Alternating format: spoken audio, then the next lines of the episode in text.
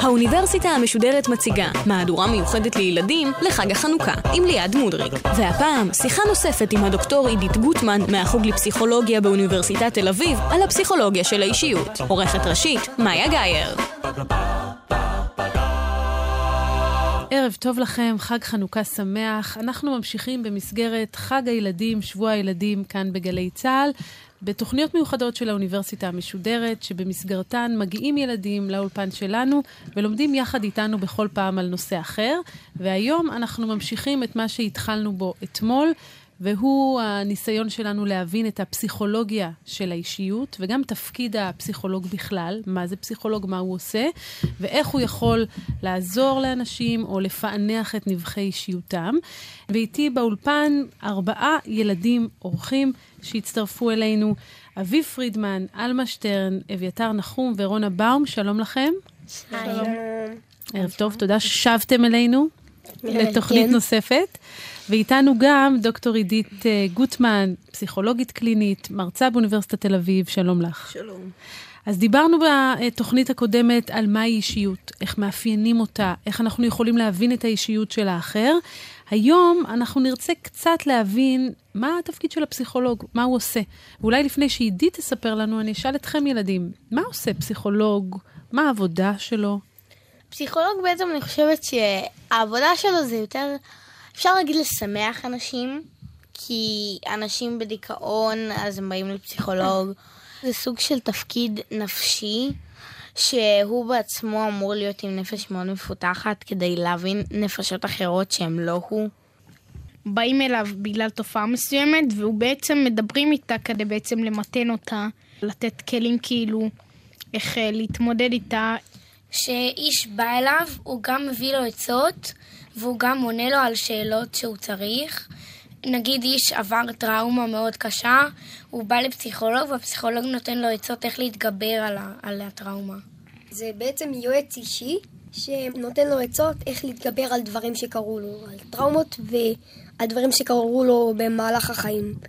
תיאור מדויק? תיאור אה, מדויק, אבל לא של כל התמונה. פסיכולוגיה זה חקר הנפש, פסיכה זה נפש. אם מישהו קורא לכם פסיכי, הוא קורא לכם נשמה. הוא מאשים אתכם שאתם לא זומבים. ואנשים שחוקרים את הנפש, אה, חלק מהם אה, חוקרים את הקשר בין, בין הגוף שלנו, מה קורה לנו בגוף, כשאנחנו מרגישים כל מיני דברים, או למשל כשאנחנו חולמים, איזה שינויים אנחנו יכולים לראות במוח. יש פסיכולוגים שחוקרים איך אנשים מתנהגים בחברה, בקבוצות. יש פסיכולוגים שחוקרים איך אתם חושבים, ויש פסיכולוגים שמטפלים.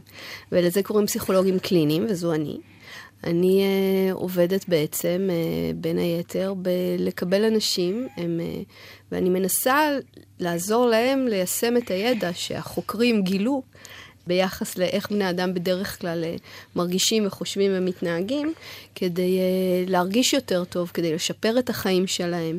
זה לא חייב להיות אחרי משבר, הם לא צריכים להיות בדיכאון כדי uh, להפיק תועלת מלהבין יותר טוב מה קורה להם, מה עובר עליהם, אולי לקבל עוד דרכי חשיבה. חלק מכם אולי יודעים שיש להם פסיכולוג בבית ספר? כן. כן, לי יש, לי יש. לא, גם יש פסיכולוג ספר. יש לנו יועצים. אז הפסיכולוג של בית ספר בעצם, הוא מייעץ אה, למנהלת, והוא מייעץ למורים, והוא מייעץ לפעמים לתלמידים, והוא עוזר להתאים אה, ילדים שצריכים יותר עזרה בדברים מסוימים, הוא עוזר להם לקבל את העזרה הזו, לפעמים הוא עוזר אפילו אה, לגלות, לחשוב, להבין איך אה, לדאוג, איך ליצור מצב שתהיה פחות אלימות בבית ספר למשל, איך לעזור למורה להבין יותר טוב התנהגות של ילד, בדרך שפחות תעליב אותה או שתעזור לו ללמוד יותר טוב. אצלנו בבית ספר בימי רביעי יש קבוצת העצמה, שאנחנו נמצאים יחד עם היועצת שלנו, דפנה, ואנחנו מדברים על מה שמפריע לנו, אם זה בבית ספר, אם זה בין הכיתות, אם זה בכיתות עצמן, ואנחנו משתפים. אני חושבת שדפנה היא באמת סוג של פסיכולוגית. אבל אם נעבור מעולם בית הספר באמת אל הפסיכולוג הקליני, יש לכולנו אולי איזשהו דימוי של הפסיכולוג שיושב עם הפנקס והעט ורושם כשהמטופל שוכב על הספה, והשאלה היא, קודם כל, עד כמה זה מובנה? עד כמה זה דומה לדימוי הזה? בעצם אה, את מתארת את זיגמונד פרויד, ותמיד כשרוצים אה, בקריקטורה לעשות איור של פסיכולוג, מציירים אותו עם הזקן ועם הספה ועם המשקפיים והמחברת ביד. כי הוא האיש שהמציא את הפסיכולוגיה ופרסם אותה, את הפסיכולוגיה כמו שאנחנו מכירים אותה, והוא עשה את זה לפני לא יותר מדי זמן. ואנחנו עוד נעסוק בו בהרחבה, אבל אני רוצה עוד להבין ממש איך זה עובד. אני הולכת לפסיכולוג, במה זה שונה מלספר על הצרות שלי לאדם שמקשיב לי פשוט? אז אם יש לך בחיים בן אדם שבאמת מקשיב לך, ולא רק רוצה להגיד לך מה לעשות, או לתת לך עצות, או למתוח עלייך ביקורת, אז אה, בורכת ויש סיכוי טוב שבאמת אה, פחות תצטרכי את העזרה של פסיכולוג. לפסיכולוג יש את היתרון הגדול, א', של הידע.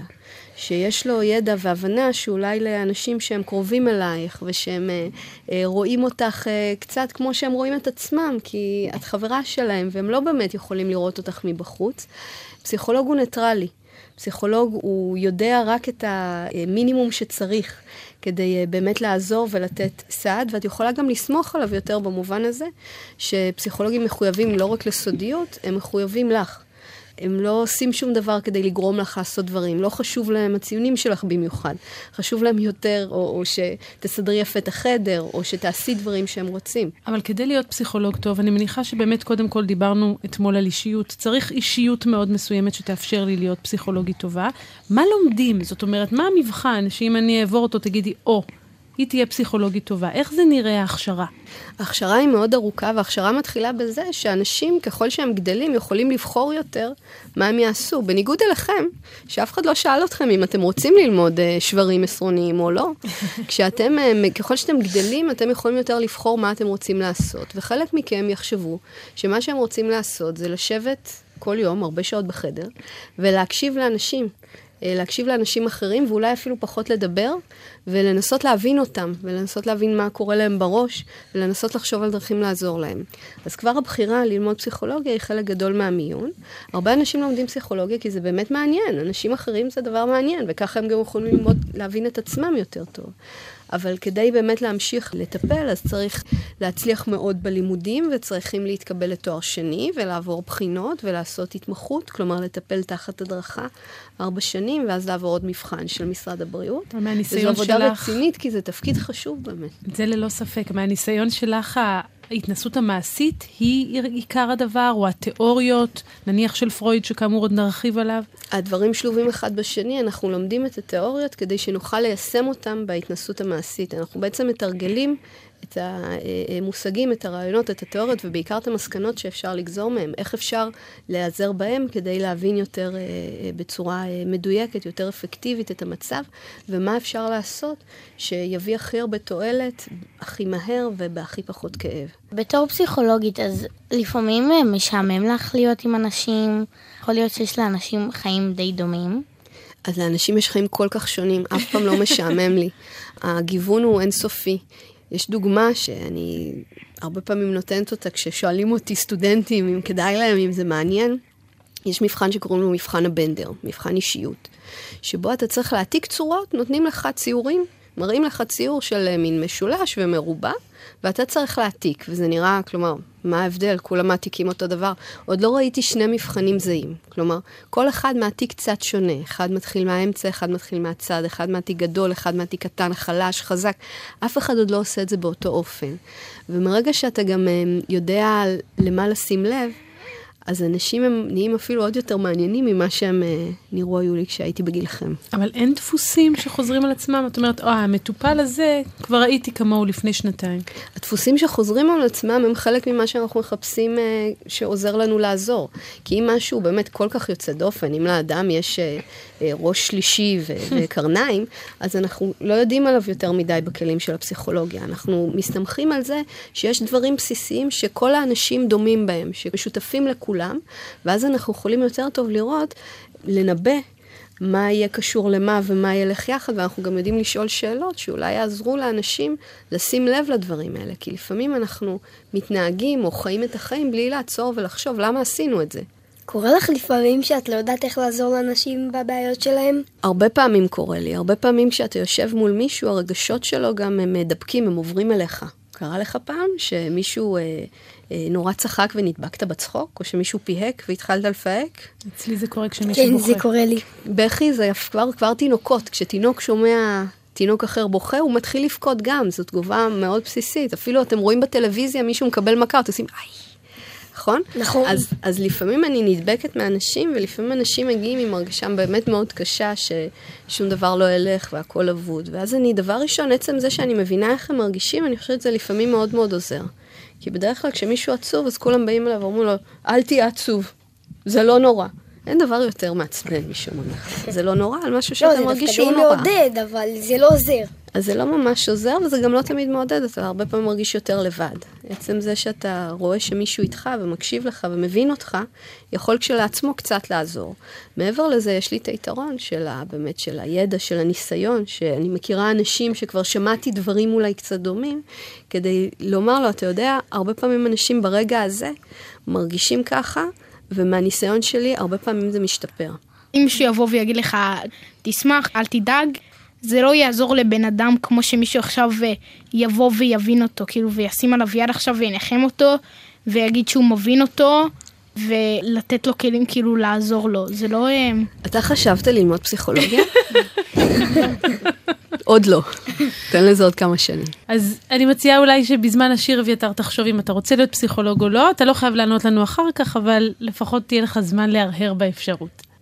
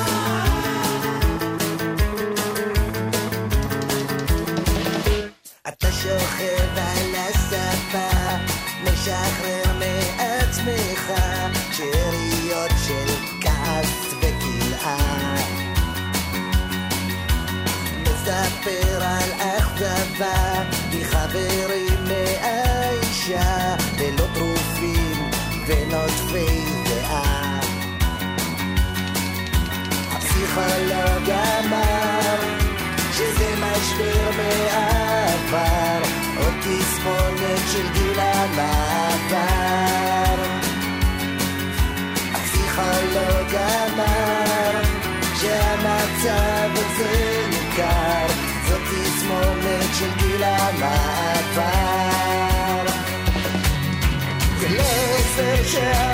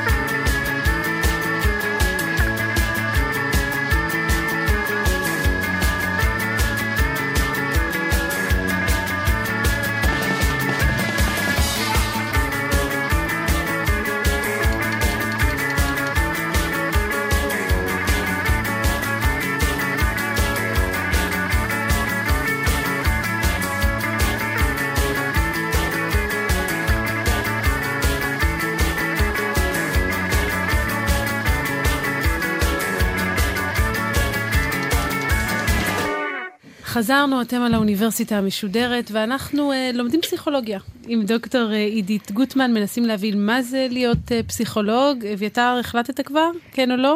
אני אחשוב על זה עוד. בסדר. תשובה של פסיכולוג. בהחלט. הזכרנו קודם את uh, זיגמונד פרויד. באמת אי אפשר לדבר על פסיכולוגיה בלי השם הזה, שצריך לומר, הפך להיות הרבה יותר מפסיכולוג, הפך להיות גם אייקון, וגם שינה את הדרך שבה אנחנו חושבים על עצמנו. כל ההתייחסות למודע לעומת לא מודע, וכמה שהיא הפכה להיות רווחת בשיח הציבורי, זה הכל רשום על שמו. כנראה שהוא לא היה הראשון שהעלה את הרעיונות האלה, אבל הוא בוודאי זה שנתן להם פרסום. ולפני uh, זיגמונד פרויד, הרעיון של לדבר זה מרפא אותך איכשהו, יכול לחולל שינוי, אפילו שינוי פיזי, כי הוא היה רופא במקור, נוירולוג, חוקר עצבים, אה, לא היה קיים, כך שהמושג הזה רשום על שמו בטאבו, ו, אה, ובזה יש לו את אה, הזכות והכבוד. מעבר לזה, הרעיונות שלו, הם שינו באמת את הדרך שאנחנו חושבים, ולומדים פרויד בכל חוג כמעט, באוניברסיטה, בארכיאולוגיה ובספרות ובאומנות ובהיסטוריה ובסוציולוגיה, וכמובן במדעי החברה. אם כי היום גם בגישה ביקורתית, כלומר, יש גם כאלה שיאמרו, התיאוריה שלו היא בכלל לא מדעית, היא לא מסבירה שום דבר, והערך שלה הוא לא ערך פסיכולוגי נניח, אלא אולי יותר באמת ערך תרבותי, חברתי. הערך שלה, כמו אני חושבת רבים מהגדולים בפסיכולוגיה, הוא בתרומה שהוא דרבן אה, לחשוב ולהטיל ספק. כי לעורר מחקרים שיפריכו את מה שהוא אמר, זה גם כוח מאוד גדול, ו- ושמו עדיין נישא. כלומר, עדיין הוויכוח לא מת כל כך הרבה שנים אחרי שהוא העלה אותו, וכל כך הרבה נתונים, ועדיין הוא ממשיך להדהד, כי הוא נשאר רלוונטי, כי הדברים היו מספיק פרובוקטיביים, והיה בהם מספיק סקס אפיל. כדי שהם לא יידחו ויישארו בעצם בתמונה כל הזמן. עידית, את אמרת מקודם סוציולוגיה, מה זה בכלל? סוציולוגיה זה uh, חקר התרבות, חקר החברה, אה. החקר של חברות, של ארגונים. פסיכולוגיה זה החקר של הנפש, שזה אה. יותר מתמקד באדם. אז אולי באמת תספרי לנו קצת על התיאוריה של פרויד. Uh, הרעיון הכי דרמטי באמת uh, של פרויד היה רעיון שלא כל מה שאנחנו חושבים על עצמנו זה לא הכל. שיש עוד הרבה מעבר בתוכנו לדברים שאנחנו יודעים שהם שם. כלומר, פרויד אמר שאם שואלים אתכם מי אתם, אתם יודעים להגיד כל מיני דברים. והדברים האלה הם נכונים, אבל הם רק חלק אחד מהאישיות שלכם. לפי פרויד יש עוד חלקים באישיות שלכם שאפילו לא ידעתם שהם שם, וזה לא אומר שהם לא חשובים, הם אפילו יותר חשובים ויותר משפיעים על ההתנהגות שלכם, מאשר החלק שנדמה לכם שהוא כל מה שיש, שהוא אתם. כלומר, החלק ההגיוני והרציונלי, ש, שמכיר דברים ושמכיר את עצמכם ושיודע לדבר איתי, הוא מבחינת פרויד רק קצה הקרחון, רק האגו. אגו בגרמנית, זה, הוא התכוון אני. כלומר, מי שאתם חושבים שזה אתם, זה רק חלק. ומה החלקים הנוספים באישיות שלכם? החלק שפרויד הציב במרכז הבמה, הוא החלק הלא מודע. החלק אה, החייתי, החלק האפל, החלק שאתם פוגשים לפעמים בחלומות, ואתם קמים ואומרים, מה זה? מה זה? מאיפה זה בא? מה זה השטויות האלה? מי שתל את זה? כלומר, זה הגיע מ... מעולם אחר, חייזרים, מעולם, אולי אלוהים שתה לי את החלום הזה, כי אתם לא מרגישים שזה אתם, האנשים שבראו את החלום. זה נראה לכם לא הגיוני ומוזר, ופרויד אמר שזה מגיע מהחלק אה, הלא מודע הזה בתוכנו, שבלילה אנחנו פוגשים אותו בגלוי, אבל לאורך כל החיים הוא הקובע העיקרי של מה נעשה ואיך נרגיש ואיך נתנהג. זה בגלל כאילו שלבן אדם נורא קשה לבוא ולהגיד על עצמו עכשיו משהו רע. כאילו אם תשאלי בן אדם עכשיו על האופי שלו, הוא ישר יגיד דברים טובים. הוא לא כאילו יעלה על דעתו להגיד אה, משהו אה, רע. הוא בהכרח רע? לא בהכרח רע. הוא כן. פשוט אפל. לפי פרויד זה הטבע האמיתי שלנו, זה מי שאנחנו באמת. ויש חלקים אחרים בתוכנו שהם בעיקר חלקים שהתפתחו כתוצאה מהסביבה שגדלנו בה והדרך שבה חינכו אותנו, שגורמים לנו לחשוב שהוא פחות טוב, אז הוא לא בהכרח רע, אבל הוא יצרי יותר נגיד, או אולי לא מציית לכללים החברתיים. בדיוק. החלק בתוכנו שנהנה לאכול עם הידיים, אוקיי? Okay? ולעשות גרפס אחרי האוכל, לעשות כל מיני דברים שאני לא אגיד עכשיו ברדיו מול ילדים, למרות שכל הילדים עושים את זה. וכשהם היו צעירים הם עשו את זה, עוד אנשים שמחו מזה, כי זה בסדר שתינוק קטן עושה פיפי מתי ואיך ואיפה שבא לו. אתם רואים לפעמים לא תינוקות עומדים. מולכם עם החיתול ועושים... כן? וממשיכים כאילו כלום, וזה חמוד אפילו. אבל אם בן אדם מבוגר היה עושה דבר כזה, היינו מזדעזעים. זה היה נראה לנו מאוד מאוד רע.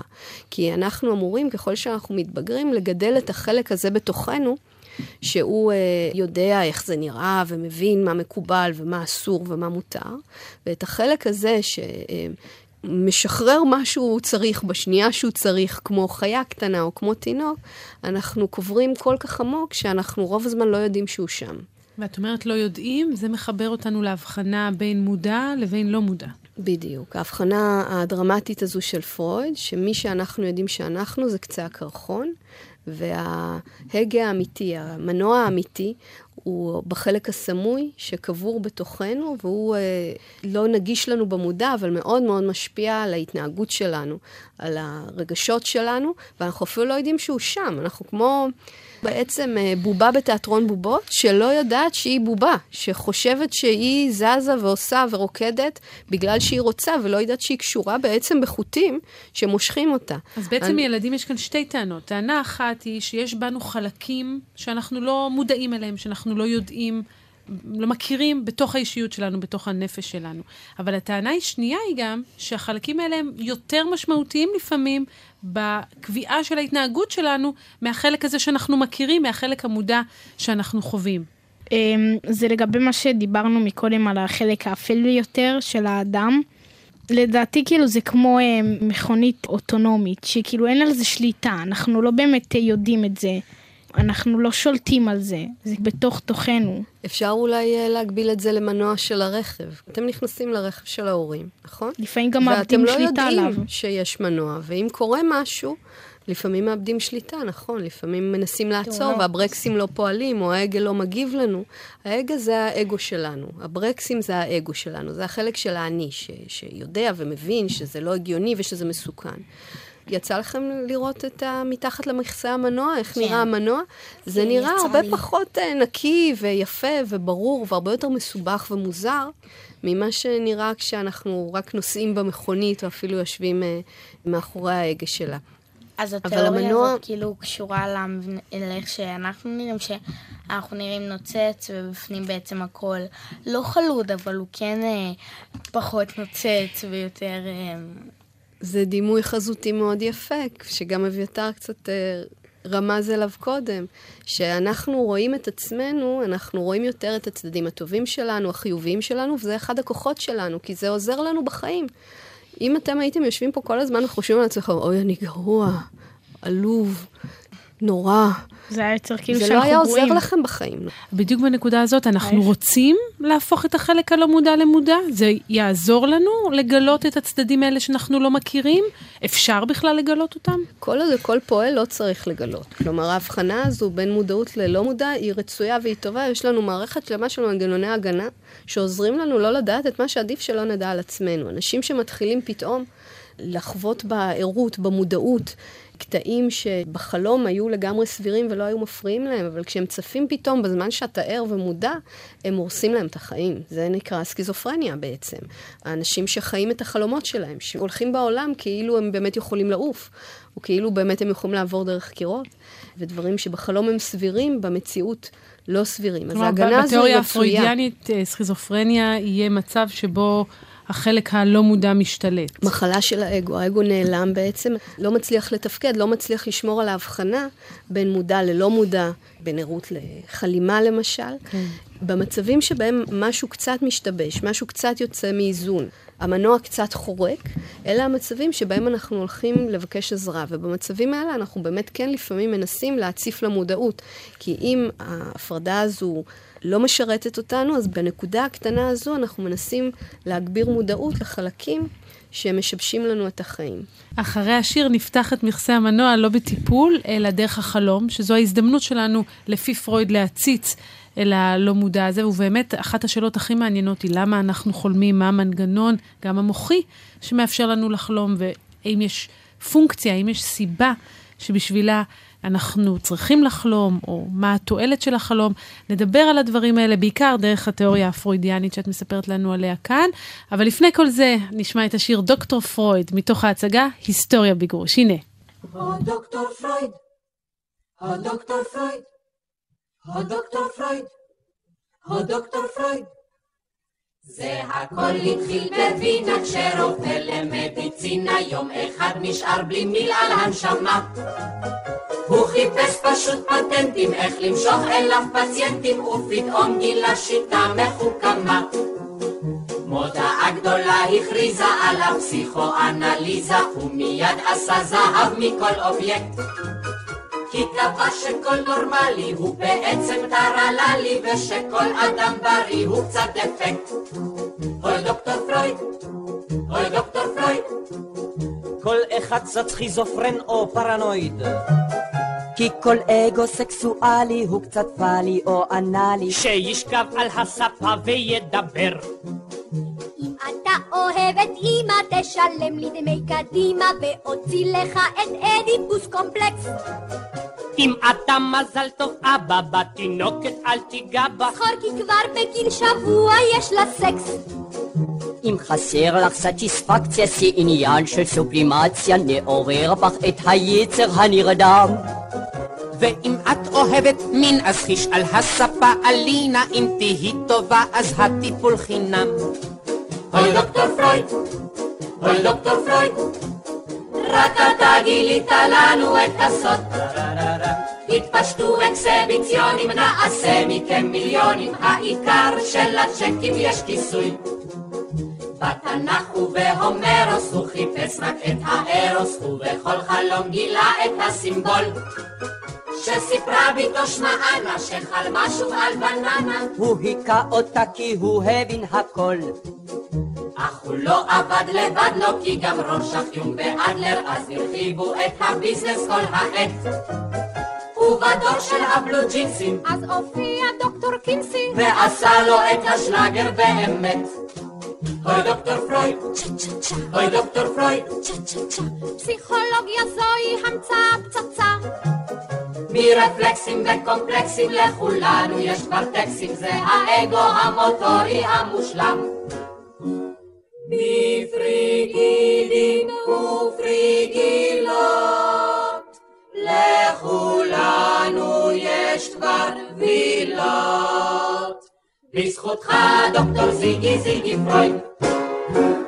אז חגגנו עם דוקטור זיגי פרויד, ועכשיו אנחנו ממשיכים בניסיון להבין אה, חלומות מה הם. מה דעתכם? למה אנחנו חולמים? אביב? לפי דעתי, כשאנחנו חולמים זה פעולה של המוח שמעסיקה את הגוף. כי כשאנחנו חולמים, אנחנו, או שזה פעולה שאנחנו תמיד עושים, אנחנו מתהפכים ותמיד זזים במיטה. אני די בטוח שזה די קשור לחלומות. דווקא אתה יודע משהו שקורה שהוא מאוד מעניין בחלום, זה שהתנועות של העיניים שלנו מהירות כמו כשאנחנו ערים, והקצב לב שלנו מהיר כמו שאנחנו ערים, וגם המוח שלנו פעיל כמו שאנחנו ערים, ודווקא השרירים הם יחסית הכי פחות פעילים בהשוואה לשאר חלקי השינה. בשאר שלבי השינה אנחנו זזים, אבל דווקא בחלום, בדיוק מכיוון שאם בחלום אתה רץ, וגם הגוף שלך ירוץ, באמת, אתה תברח מהמיטה, ואת זה אנחנו לא רוצים. אז דווקא המוח מצליח להשתיק את השרירים כדי שהם לא יפעלו. אבל זה כן תקופה שהמוח בה מאוד פעיל. אז למה אתם חושבים שזה קורה? לדעתי יש כאלה שאומרים שלדוגמה עכשיו ילד חולה עם סיוט והוא בא להורים שלו ואז הם אומרים אין שום דבר זה סתם זה לדעתי זה לא נכון כאילו שזה סתם שום דבר לא סתם. זה הצדדים האפלים וגם כאילו לדעתי זה כל הזבל של המוח זה כאילו כמו שאתה עכשיו תראה פח נוצץ כולו ואתה תפתח אותו ואז אתה תראה את כל הזבל בתוכו. יש גם כאלה שחולמים על דברים שיקרו להם שהם מפחדים מהם או שדברים ש... עוברים עליהם אולי. אנחנו עוד מעט נשמע גם את החלומות שלכם ממש, אבל עידית, את יכולה לתת לנו איזושהי פרשנות, באמת זו חידה שהיא לא פתורה. אבל לפחות לפי התיאוריה הפרוידיאנית, יש הסבר לחלומות האלה. כן, פרויד, אחד הדברים היפים שהוא עשה, הוא באמת אה, העלה את החלומות קצת למודעות, שזה דבר שכולם עושים בכל התרבויות, כמה פעמים כנראה בלילה לפי המחקרים, ואיכשהו לא התעסקו עם זה כל כך הרבה, ולקחו את זה כמובן מאליו, שקורים לנו דברים משונים שאנחנו לא מבינים, שאנחנו לא יודעים מאיפה הם הגיעו, ולרוב אנחנו אפילו שוכחים אותם כל בוקר מחדש, ובעצם פרויד שאל את עצמו מאיפה זה מגיע, זה אחד הבסיסים של הרעיון, שיש לנו חלק שאנחנו לא מודעים אליו, כי מישהו צריך לייצר את התכנים המשונים האלה. אה, והוא קצת אה, התחבר למה שאתה אומר, הוא הציע שבאיזשהו מקום החלומות נועדו לשמור על השינה, להגן עליה, לעזור לשינה להימשך. אה, בעצם אנחנו הרבה פעמים יודעים שאם קרה לכם ששעון המעורר צלצל וחלמתם שאוטו מכבה אש עובר ולכן המשכתם לישון כי זה בסדר בחלום, זה, יש לזה הסבר אחר ופחות כזה שמחייב אתכם ממש לצאת מהפוך. אז uh, כמו שדברים שקורים בחוץ, שמפריעים אותנו, החלום עוזר לנו לנטרל אותם, פרויד הציע שגם דברים שקורים בתוככם ומטרידים אתכם, ואולי היו מפריעים לכם לישון אם הייתם מתעסקים איתם, החלום עוזר לנטרל אותם על ידי זה שהוא uh, גורם לכם לחלום שהדברים האלה נפתרו, שהכל בסדר. כלומר, החלום עוזר לכם להתמודד עם uh, כל מיני uh, קשיים, מצוקות, משאלות שאפילו לא ידעתם שהם שם, על ידי זה שהוא מגשים לכם אותם, והחלום מוזר, כי אלה משאלות שאולי אפילו לא ידענו שהן uh, קיימות. גם כשאנחנו תינוקות אנחנו חולמים. תינוקות חולמים יותר ממבוגרים כנראה. כלומר, יותר, יותר מזמן השינה שלהם מוקדש למצב הזה שתנועות העיניים, כמו שליאת תיארה קודם, אה, זזות במהירות, אבל אנחנו לא באמת יכולים לדעת אם מה שקורה להם זה חלום כמו שאנחנו מרגישים אותו. מבוגרים אפילו יותר. נכון. הזכרתם קודם את ההבדל בין חלום לבין מציאות, באמת זה דבר שהוא מתפתח. וגם פרויד הציע שתינוק, ככל שהוא קטן, הוא פחות מודע, הוא יותר חי את החלום של עצמו. וילדים קטנים, אוהד יכל היה, כשהוא היה צעיר, להעיר אותי באמצע הלילה, שאני אבוא לטפל במפלצת שמתחת למיטה שלו, כי הוא לא הבדיל בינה לבין המציאות. היו אצלי בקליניקה כמה ילדים שהיו כל פעם אה, מרטיבים במיטה, כי הם היו חולמים שהם הולכים לשירותים. וזו בעיה. ההבחנה הזו בין חלום למציאות מופיעה בהדרגה והיא איזשהו הישג, וככל שאתם גדלים, החלומות שלכם משתנים. כבר שמתם לב שאתם חולמים אחרת מאיך שחלמתם כשהייתם בכיתה א'? לי הם אף פעם לא באמת השתנו, תמיד הם היו מוזרים. השאלה שלי, בכללי חלומות הם נראים לנו נורא קצרים, אבל השינה שלנו בעצם יותר משעה, יותר משעתיים, יותר משלוש. איך זה קורה? ויש הרבה מחלוקות והרבה דיונים על השאלה כמה זמן נמשך חלום. אם תעירי מישהו ותשאלי אותו מה קרה עכשיו, הוא יגיד, אה, ah, בדיוק חלמתי משהו. אנחנו יודעים שזה נמשך תקופה מסוימת שהולכת ומתארכת ככל שאנחנו מתקרבים לבוקר. אבל אנחנו לא יודעים אם זה היה חלום אחד, או שזה כמה חלומות, וקשה לנו מאוד למצוא דרך להיכנס לראש של האדם ולדעת באמת כמה זמן אה, אה, הוא חלם. ממה מורכב החלום? יש, אפשר לדבר על איזה שהם אה, דפוסים שחוזרים על עצמם, על ממש מרכיבים של חלום, או שזה ערב רב כל מה שנכנס תופס פתאום צורה? אז uh, מחקרי חלומות, קלווין הול ואחרים ניתחו מאות חלומות, הושיבו אנשים לכתוב יומן חלומות בחריצות כל בוקר. פוקס עשה קייטנות שינה, הוא לקח ילדים אה, לקייטנה, וכל פעם העיר אותם בלילה, ושאל אותם מה הם בדיוק חלמו עכשיו, כשהם יראו את תנועות העיניים המהירות האלה, והתברר שרוב האנשים חולמים את אותם חלומות, או אה, וריאציה של אה, אותם נושאים לאורך כל חייהם, וזה אחד הדברים שמאפשרים באמת להבדיל בין בני אדם. כלומר, יש שונות מאוד גדולה בין החלומות שבדרך כלל אתם חולמים, לבין החלומות שמישהו אחר בדרך כלל חולם, והרבה פעמים יש פה עקביות. תני דוגמאות, איזה חלומות חוזרים על עצמם למשל? יש דוגמה מפורסמת של אישה שכמעט תמיד בחלומות שלה היא עסקה בחיפושים אחרי משהו שהיא איבדה. לפעמים זה היה הכלב שלה, ולפעמים זה היה ארנק, ולפעמים זה היה הילד שלה. אה, אבל החוויה הזו של כל פעם, כל חלום מחדש, כמעט, לאורך שנים, לחלום שהיא אה, מאבדת משהו, לי הרבה פעמים היו חלומות שאני מצילה. אה, הייתי צריכה להציל את אחי הקטן כשהייתי צעירה, ועכשיו לפעמים אני, החלומות הרעים, זה שאני צריכה להציל את הפציינטים שלי או את הילדים שלי. ותתחילו כבר לחשוב, אתם כבר די גדולים, כדי שהחלומות שלכם כבר יתגבשו, להיות uh, הדפוס. בדרך כלל החלומות שאתם זוכרים, אה, יהיה בהם משהו משותף. ואם תצליחו לזהות את המשהו המשותף הזה, אולי תצליחו ללמוד משהו על עצמכם, את מה שחוזר על עצמו, שממשיך להטריד אתכם לאורך החיים. יש כאן מישהו שמוכן לשתף אותנו בחלום שלו? אני בדרך כלל חולמת על דברים שקורים לי או דברים שאני נלחצת מהם. אה, נגיד, פעם אחת היה לי משחק כדורסל בבוקר וחלמתי שאני מאוד מאחרת אליו, בסוף קמתי וגיליתי שבכלל יש עוד מלא זמן. או שאני חולמת על דברים שקורים לי, נגיד על בת מצווה. חלמת שאת מאחרת לבת מצווה? לא, חלמתי על דברים שקורים בבת מצווה. טובים או רעים? גם וגם, כנראה. רוב החלומות שלנו רעים, זה מצאו המחקרים. ברוב החלומות אנחנו לא חולמים על רגשות קשים שלי. ודברים רעים. את צודקת, עדיף לא. אז אנחנו באמת יודעים שפרויד השתמש בחלומות מהסוג הזה כאל חלון, צוהר, כדי להגיע אל החלק הלא מודע הזה. אם את עכשיו בתור אה, פסיכולוגית שומעת חלום, איך את לוקחת את זה הלאה? מה הדבר הבא שאת יכולה לעשות אחרי שאת שומעת חלום של מטופל שלך? הגרסה של פרויד הייתה לנסות לחשוב כל אלמנט בחלום, מה הוא מזכיר לך. אסוציאציות חופשיות, חוק הזהב של הפסיכואנליזה, שיטת הטיפול שפרויד פיתח, מבוססת על באמת לחשוב על כל דבר שאתם זוכרים מהחלום שלכם, ולומר כל מה שעולה לכם בראש, כשאתם חושבים עליו, לא חשוב כמה זה נראה לכם הגיוני שזה יהיה קשור או לא הגיוני, פשוט לומר את זה, ובדרך הזו בעצם להיזכר ב, ב, במה שעומד מאחוריו, בבסיס שלו.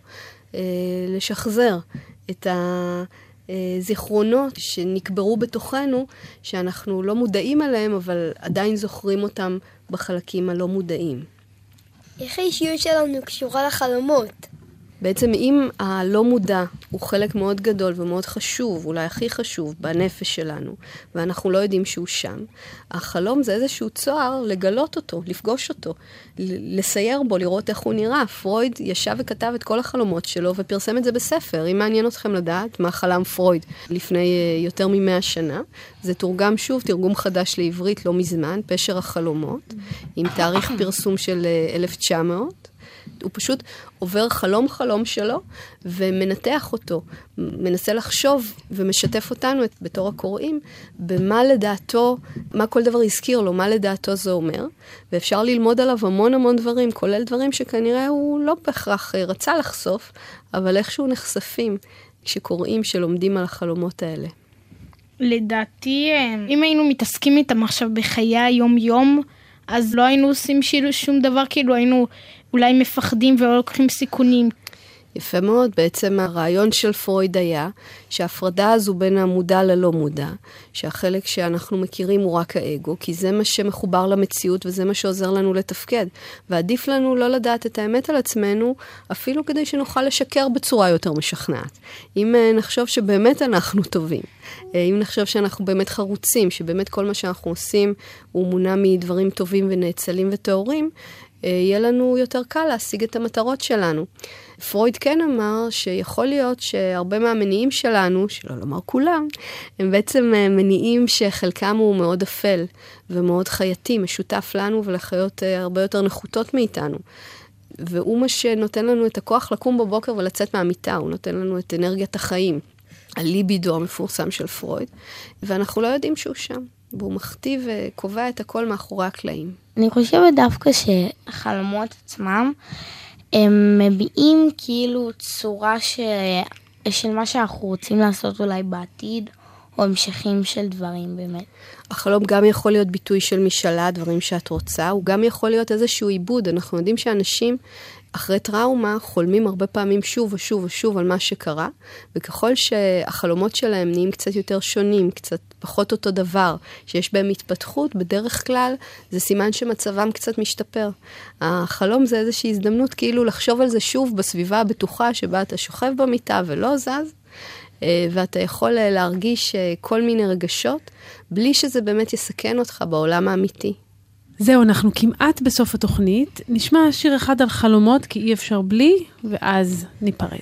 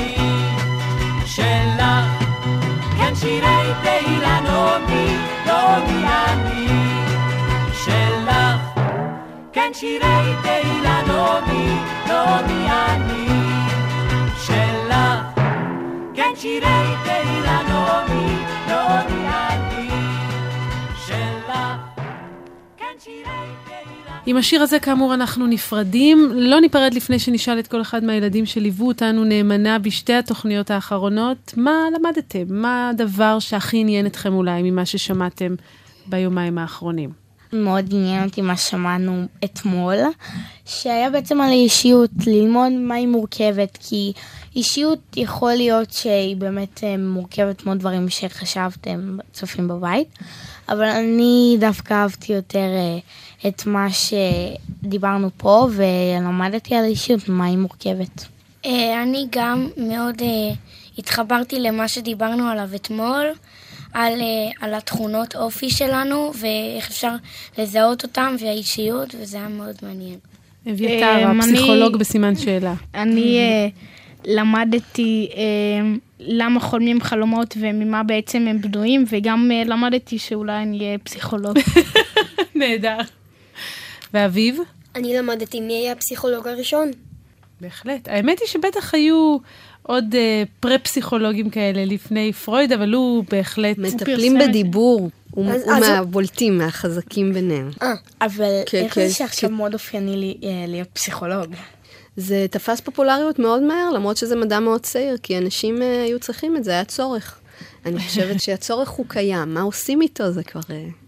אתם אני אה, רוצה מאוד מאוד להודות לכם ילדים, גם אני למדתי הרבה, גם איך לשאול שאלות טובות וחכמות אה, מכם, וגם ממך כמובן אה, דוקטור עידית גוטמן, שהשארת אותנו בפסיכולוגיה של האישיות בכלל, במקצוע הזה של להיות פסיכולוג, מה זה אומר ולאן זה יכול לקחת אותנו, ואולי כאמור יהיה לנו איזה פסיכולוג לעתיד כתוצאה מהתוכנית הזו. תודה רבה לכם, תודה רבה גם למאיה גאייר, העורכת הראשית של האוניברסיטה המשודרת, יובל שילר היא העורכת והמפיקה של המשדר הזה, אסף אזולאי על הביצוע הטכני. כאמור, תודה רבה לכולכם. מחר ומחרתיים אנחנו נמשיך כאן באוניברסיטה המשודרת, הפעם עם ילדים אחרים, נדבר על זמן. ממני ליעד מודריק ומכולנו, שיהיה חג חנוכה שמח ורק חדשות טובות.